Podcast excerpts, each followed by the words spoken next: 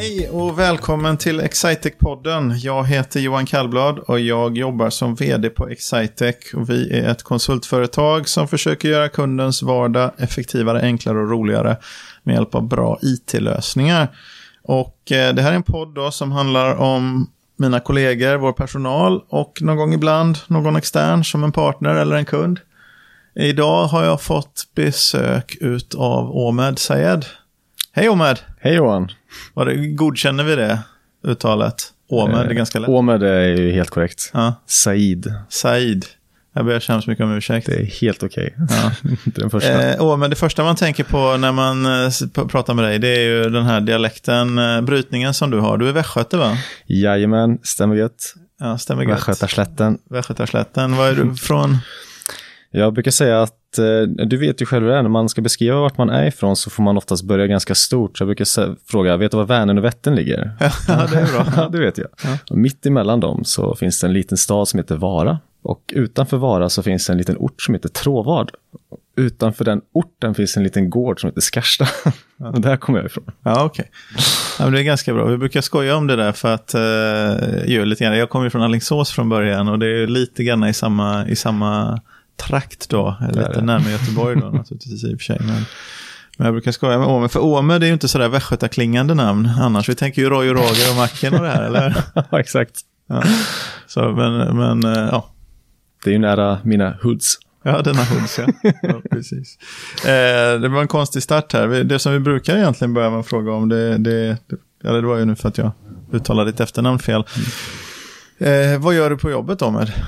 Det som... Eh, jag jobbar som säljare Ja, och eh, ja, affärsutvecklare också, kan man väl säga. Vi jobbar mot befintlig kund. Ehm, och eh, en del av tiden lägger jag på prospektering, på att eh, hitta nya kunder. Och eh, en annan del lägger jag på ett nytt affärsområde som är CRM. Ser har Vad betyder det? eh, Det står för Customer Relationship Management, som är, handlar om kundvård. Ja, skapa en, eh, en unik eh, kundupplevelse. Det är väl så produkten vi jobbar med beskriver sig själv i alla fall. alltså vi, använder, vi, hjälper, vi hjälper våra kunder att skapa en bra upplevelse för deras kunder. Precis, det kan man säga. Ja. Försäljning, då tänker man ju på sådana här som står i köpcentret och försöker få en att byta telefonabonnemang, eller? Ja, jo, det, det gör man. Det har jag också gjort. Ja, det har du också gjort. Hur funkar, var det då? Det var väldigt speciellt. Eh, Jag började faktiskt på, med att knacka dörr. Ja, Det var också väldigt speciellt, ja. men utmanande. Och eh, Vad var det för Väldigt- produkt som du knackade dörr med? då, eh, då, då var det Viasat och skulle sälja tv-abonnemang. Ja, Och då var den här klassiska, vet, när man ska ta steget in på dörren för att ta sig in i huset. Då. Liksom man sa, hej, men du, vet, kan, kan komma in och prata? Och tog man ett steg framåt och det var tydligen, då fick du komma in. Jaha. Men det var den största utmaningen, att ens få komma in och prata. Oftast så var det liksom, ja, du kan tänka dig själv när någon kommer och knackar på din dörr klockan sex, halv sju på kvällen och du har jobbat hela dagen och vi kommer hem, tar hand om barnen, lagar mat, så kommer någon och knackar. Det var, man var inte alltid så välkommen. Nej. Vad var det bästa liksom, mötet du har, du har haft i ett sånt sammanhang? Liksom? Var, när det var som allra bäst, hur var det då? det bästa mötet, det var nog en, en, en kedja av möten. Det var flera stycken. Det var, jag kommer inte exakt ihåg vilken ort det var, men vi fick, det var, hade riktigt bra flyt i en, en ort. Då kom jag in på tre hus i rad. Ja, Så eh, jag började fundera på om det var en familj eller någonting. Alla var väldigt, väldigt sköna, trevliga. Jag kom in väldigt enkelt. Eh, inte främlingsfientliga. Aha, okej. Ja. Men det var affär på alla tre. Det var väldigt ovanligt. Tre i rad, ja. Tre i rad. Ofta så var det en per ort liksom, och du hade tur. Ja. Det var lite tur. det. Och hur länge jobbade man då på när man var på ett... Hur, hur länge jag Hur, jobbade? hur länge arbetade man liksom? Hur många, hur många timmar tog det i genomsnitt innan du gjorde Du- en affär? Vad kan det vara? Det var en fyra till sex timmars eh, pass man gjorde i en sån här i en liten ort och sen Och- åkte man vidare till nästa. Ja, och hur många gånger har du blivit avvisad på de fyra till sex timmarna? Oj, herregud. Det kan man inte vara. Alltså, det är en del av jobbet. Ja, Och så kunna hantera ett nej. ja.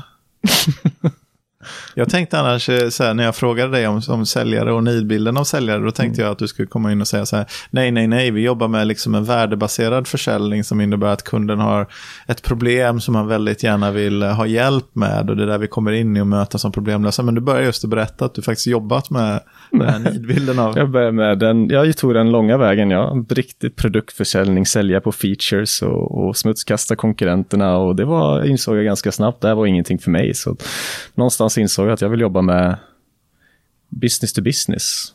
Och det är successivt så kommer jag väl dit ja. så småningom. Men ja. vägen dit var lång och hård och jobbig. Ja, okej. Okay. jag tror förut så fanns det något som var, jag är ju då 15 år äldre än vad du är, ish. Eh, och eh, det fanns något som hette Electrolux eh, säljskola mm. som handlade om då hur man sålde dammsugare och sånt. Jag, jag har aldrig liksom träffat någon som verkligen har köpt det, eller det har jag gjort, men jag, har, jag vet ingen så att säga, i min generation än som, som har köpt en dammsugare av någon som kommer och ringde på dörren, men jag vet att mm. min mormor köpte dammsugare på det sättet. Ja, det. Liksom, så det var den klassiska säljarskolan, men det, måste, mm. det nya är ju nu, liksom, det måste ju ha gått över till liksom, Viasat eller sälja liksom, telefonabonnemang eller sånt. Ja, ja, men det är det. Det måste ju vara samma tekniker antar jag. Det, det är det, men den här klassiska ta ett steg in är ju en, det sa de ju, det var äldsta tricket i boken. Och för att få komma in och prata med dem. Liksom. Ja. De, sa, de som sålde dammsugare, de, de gick in och så dammsugade de lite på en matta och sen så visade de hur mycket smuts det var i dammsugarpåsen. Och så var det som, oh, så där vill jag inte, vill jag ha kvar den här smutsen Ska jag lägga tillbaka den på mattan eller ska du köpa dammsugare? Jag vet inte. Nej, det, ska inte, jag har den djupaste respekt för de som jobbar med det där, det verkar mm. jättesvårt. Men fråga till dig då, tror, tror, du det skulle funka i, i vår bransch att åka ut, bara, bara åka rakt ut till kunderna och bara tja, du, vi jobbar med det här och det här.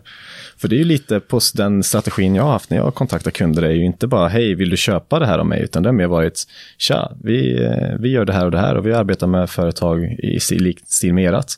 Eh, är det här aktuellt så vill jag att du hör av dig. Skulle ja. det funka tror du? Jag antar att det är väldigt mycket en timing.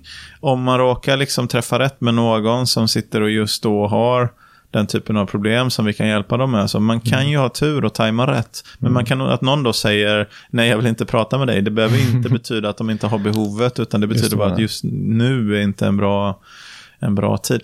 Ofta mm. försöker man ju använda lite, hitta lite signaler och triggerpunkter mm. som gör att det blir ett lite varmare samtal. Mm. Till exempel att man vet någonting om, eller att de kontaktar oss. Men det, jag vet inte, det, kan, det fina ordet för det, det är ju så roligt inom säljteorin så får man ju ibland, eftersom det är ganska plågsamma, jobbiga jobb i de här delarna i alla fall, så hittar man ju fina ord. Och canvassing är ju det traditionella ordet för att bara, mm, i, i, i säljen, man, går runt och ringer på dörrar och säger hej, får jag förresten med ett affärssystem? Liksom, bara ringer på. Det är, det är att canvassa. Prospektering är också, det är ju ett ganska fint ord. Ja. Det är egentligen det du försöker göra, är att hitta affärsmöjligheter. Va? Precis, precis. Mm. Men samtidigt är det ju så här, va? om man aldrig pratar med någon tänkbar brukare av mm. det man säljer, ja, då lär det inte bli några affärer. Nej, alla, alla affärer måste börja med någon form av alltså ett samtal, eller ett möte eller någon information. Det måste mm. börja med någon form av interaktion mm. med brukaren eller den som har problemet som man, som man kan lösa. Det är väldigt svårt att komma ifrån. Exakt. Ja. Mm. Hur jobbar du nu då? Ehm, just nu så jobbar jag, alltså när det kommer till prospekteringen så har jag experimenterat med lite olika strategier under våren och nu lite i höst.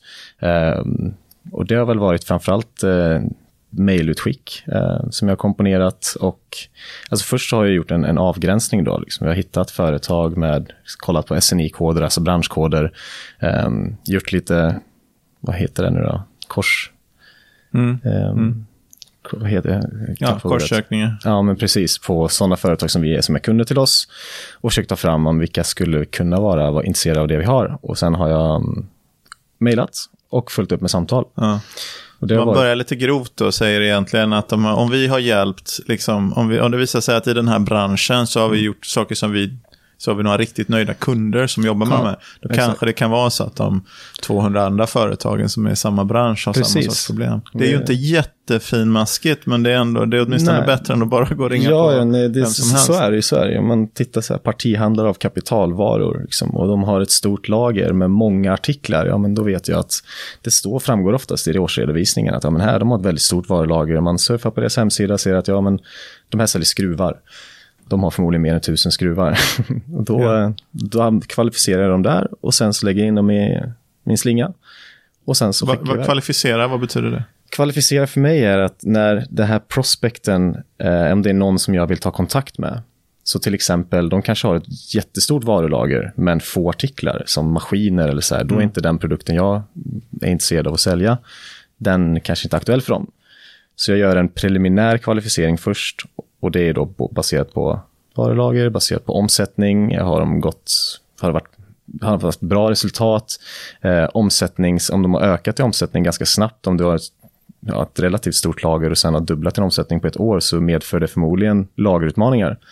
Eh, så jag tänker lite i de banorna och Just det. Då kan jag backa in, backa in och säga, Ja. för du har ju, gjorde ju en, eh, en, du har drivit en kampanj här för att hitta kunder till ett inköps och lageroptimeringssystem som heter Easy Stock som vi, som vi säljer och implementerar och integrerar med affärssystem och sånt åt våra kunder. Ett sånt optimeringssystem. Och det är klart, har du stora för så är det ju egentligen. Om du köper in, om du är en handlare eller om du är partihandel och har ett lager och du har för mycket, köper in för mycket grejer till exempel i förhållande Ja. till vad kunderna vill ha, då har du jättestor risk att förlora pengar på det. För dels binder du kapital Ja. med det stora lager. Dels så har du eh, risk att de blir gamla och inte, och inaktuella och att de inte blir värda det precis, som du har. Och då det tredje så har du risk att det tar plats verkligen. rent fysisk hanteringsplats. Och det om du har, precis som du säger, då, om du har fel grejer som tar upp platsen i ditt lager, så blir ditt lager för trångt.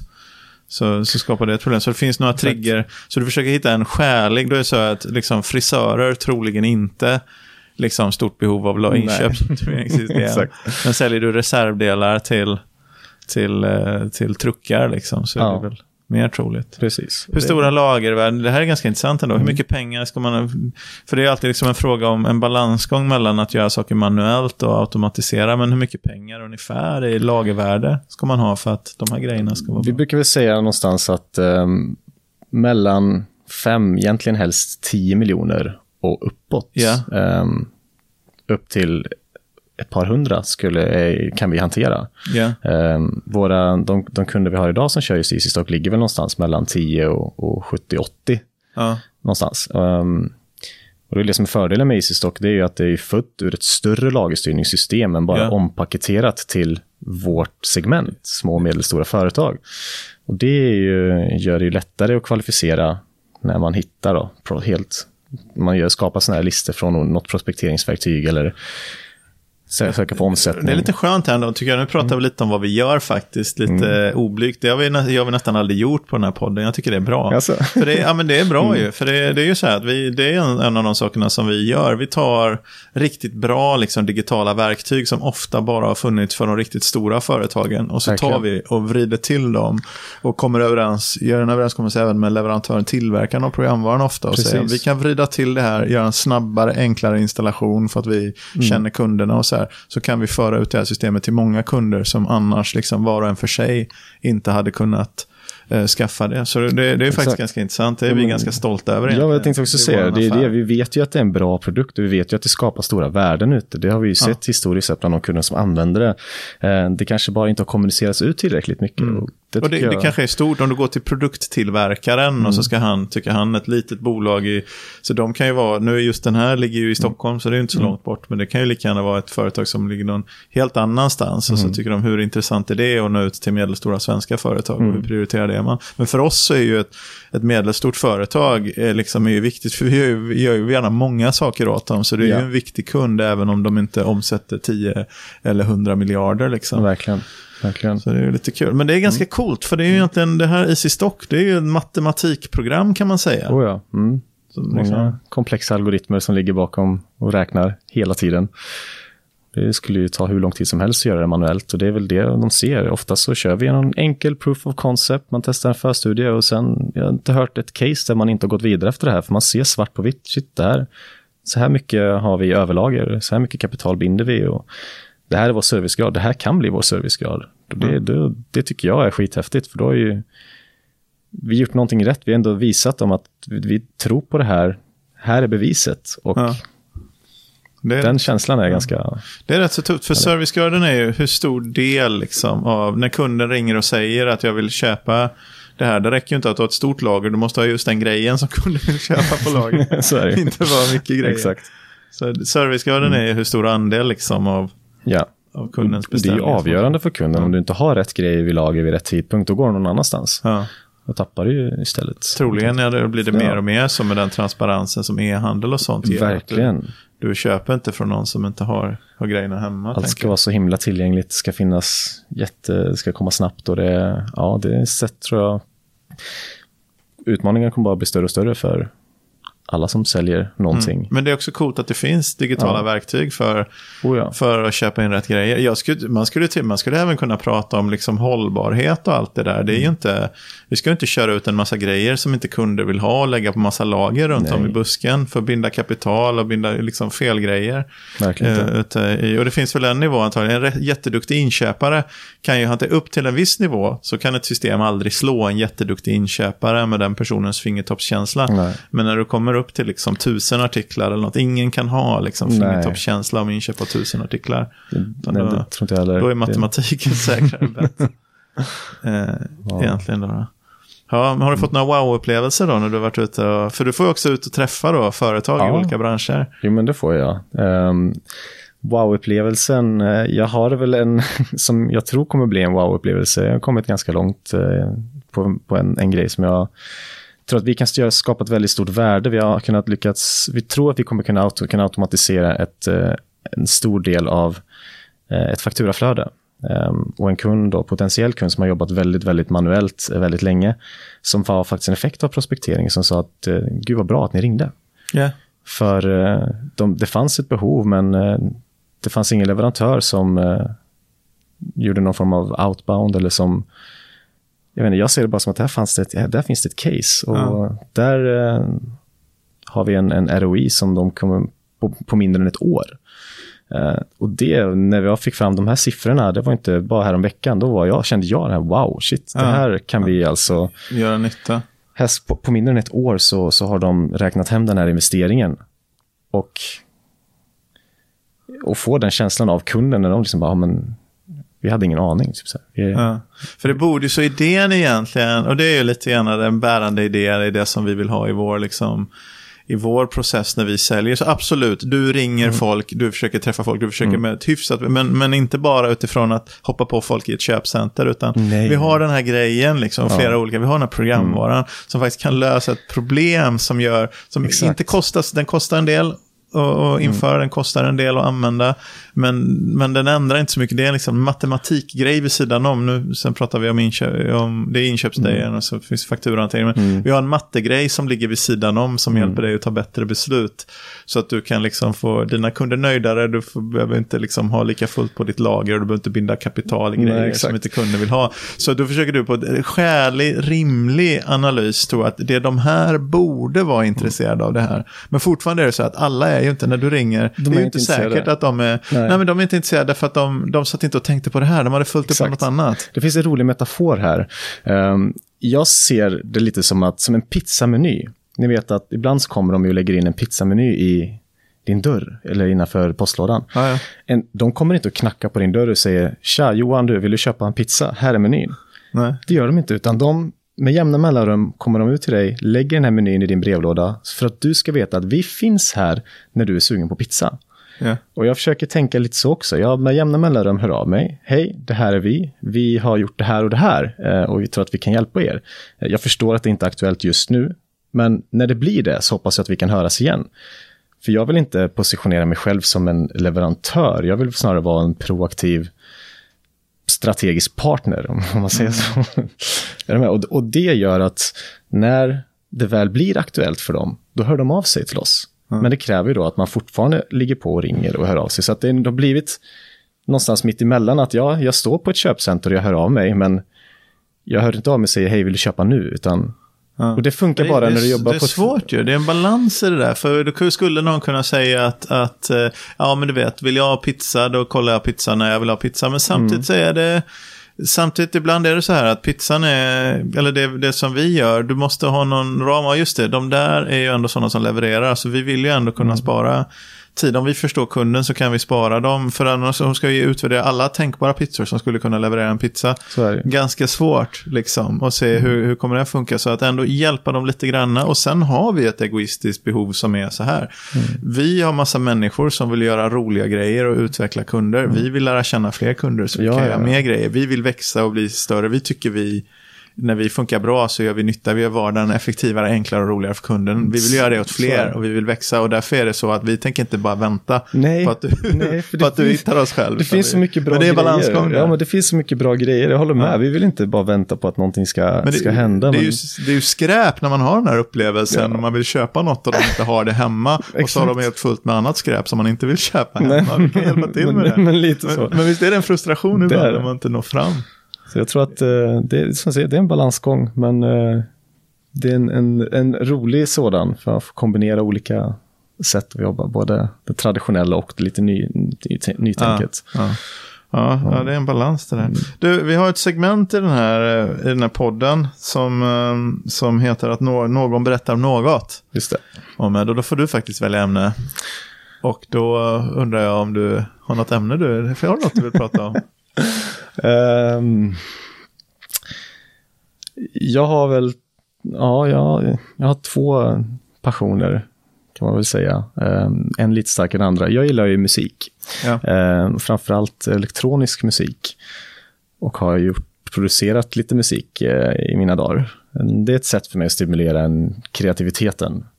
Eh, att göra någonting kreativt, tänka lite annat och försvinna iväg i någonting. Du vet, så här, när man sitter och, och ja, lite nästan tappar tidsuppfattningen. Ja. Ehm, så det tycker jag är väldigt roligt. Så jag sitter och experimenterar, jammar lite. Det är inte som att man sitter med en gura och, och spelar, utan det är mer... I, I producerandet av elektronisk musik, är liksom tillverkandet, eh, kallar man det för liksom producent? För annars skulle man ju säga, om, om man säger eh, gammelmusik, Mm. så är det ju någon som är instrumentalist liksom, som Precis. spelar det. Och sen är den som producerar ju den som är, sätter ihop det till en Men helhet. det, det stämmer, och, och, ehm, men jag gör lite båda delarna. Jag spelar instrument, eh, inte jättesuperduktig, men mest för att ta fram olika melodier, slingor som jag vill bygga vidare på. Men sen finns det något som heter ljuddesign. Mm. Och det är då när du skapar ljud från grunden. Så du börjar med ett ljud som du då kör genom olika oscillatorer, heter det. Och så lägger man på olika effekter och man sätter liksom, ska det, det kallas attack, eh, decay, hur mycket hur ljudet ska gå upp snabbt och ner. Och så manipulerar man varje oscillator för att få ett sound man gillar. Och det är ju ett skapande, liksom. Får jag fråga, skap, den musiken som du, som du skapar här, Mm. skapar du den för, är det för dig själv eller publicerar du den på något sätt? eh? Så jag har en, en Soundcloud-sida där jag lägger upp eh, lite musik och det är gratis att ladda ner. Och liksom det, men det är, jag skulle säga Men är mer det för mig någon själv. annan än mamma och brorsan som, eh, som är. Ja, jo men det är där. En liten, väldigt liten följarbas. Problemet med den här branschen idag är att det är så många som är så otroligt duktiga, Ja. men som aldrig eh, blir någonting på grund av att de kanske inte har rätt eh, utseende eller rätt aura kring sig, utan man säljer snarare en artist. Man säljer artister, man säljer inte musiken de gör och det finns Det, mycket... det, är nog i och för sig, det har nog det- varit så alltid skulle jag Ja, tro. men precis. Eller åtminstone väldigt länge. Ghost producers pratar man ju om, Ja. när de liksom sätter, någon annan gör musiken, men någon annan står och DJar på en festival. Ja. Ehm, jag vill inte ditåt. Jag vill göra musik som jag tycker är bra, som jag själv känner att det här... Och, och när konsumerar du den här då? Smyger du in, liksom, har du med något litet USB-minne på fetischester och sådär? Nu spelar jag inte ute längre, men när jag gjorde så brukade jag slänga in någon liten egen då och då. Annars så är det, nej, jag lyssnar på gör det lite ont i hjärtat när det blir tomt på dansgolvet? Då går man hem och gråter i duschen. ja, ja, Fosterställning. Nej. ja, det är bra. Men det, ja, det är lärorikt också. Ja, men det är svårt va? Ja, jo men det är det. Alltså, nu är ju YouTube så himla bra så du kan ju lära dig allting där nästan Ja. till en viss gräns eller en viss nivå. Men eh, när man kommer till en viss punkt då kan du ändå sitta och skapa lite hej vilt. Du kan göra du kan skapa någonting ganska snabbt för att du har gjort grundarbetet. Du har skapat dina sounds och du har skapat dina samples. Som du har gjort en kick eller en clap eller en hat. Så har du ett eget bibliotek som du med tiden då bygger upp. Som du kan använda utav och då blir det inte, du behöver inte börja från scratch varje gång. Mm. Och då kan, du, kan man mer fokusera på melodier eller slingor. Ja, slingor. Du hittar en slinga som om det här låter bra, så bygger man vidare från den. Så det kan börja, eller så börjar man att hitta en kick som det var, men det här, den här, den här tung, liksom, den, Yeah. den ska jag bygga vidare på. Så jag kan sluta med vad som helst. Ibland, ibland sitter du där i fyra timmar med ett ljud och bara tweakar in i det sista. Och sen så går du och lägger dig och så vaknar du och lyssnar på det och inser vad fan är det här? Ja. Det där lät inte alls bra. Första svordomen på, på podden. Nej, det var nog inte. Det Jag kan inte låta bli att tänka på, jag tänker på det finns någon sketch, eh, den här, ehm, eh, vad heter den nu? Blue Oyster Cult, heter den? eh, Don't Fear the Reaper, den låten. Det finns någon sån sketch om när de kör cowbell, är någon Alltså. cowbell, i- kör en duck, duck, duck genom hela låten. Ja. Och eh, ja, då liksom, eh, tänker jag hur de har suttit, om de hade fastnat på ljuddesignen där liksom. De skulle göra den här låten och så bara, nej, den här ko, den låter inte riktigt, det kan Ja. det blir väldigt krångligt. Om man backar för långt alltså. Ibland är det enklare med akustiska instrument för de låter ju lite mer som de låter. Ja, man brukar säga less is more och ju mer du sitter och manipulerar ett ljud desto eh, sämre låter det över tid. Och det är, som sagt, det har varit många gånger vi har suttit, om jag eller med kompisar, man kör ihop ibland och bara men, sitter och tweakar och båda vill göra någonting och sen blir produkten bara skräp ändå. Så att, eh, men cowbells använder jag. Ja. Riktiga cowbells. Ja, det är samples men det är väl samplat från en riktig misstänker jag. Så att, eh, Ja, vad Mm. roligt då. Men du, Åme, det var en kul rekommendation tycker jag. Att eh, ägna lite tid åt det där i helgen kanske. mm, Kan det vara så? Ja. det blir det nog. Ja, det är fredag idag nämligen när vi Det spelar är in här. fredag idag. Jajamän. Så att, eh, ja. Så, har, du något annat, har vi glömt att prata om någonting viktigt? Antagligen har vi gjort det. Förmodligen det. Förmodligen, men då får vi väl ta ett, eh, ett annat avsnitt. Det låter men, bra. Ja, men det var kul att du ville komma. Tack för att du mycket. komma. Tack.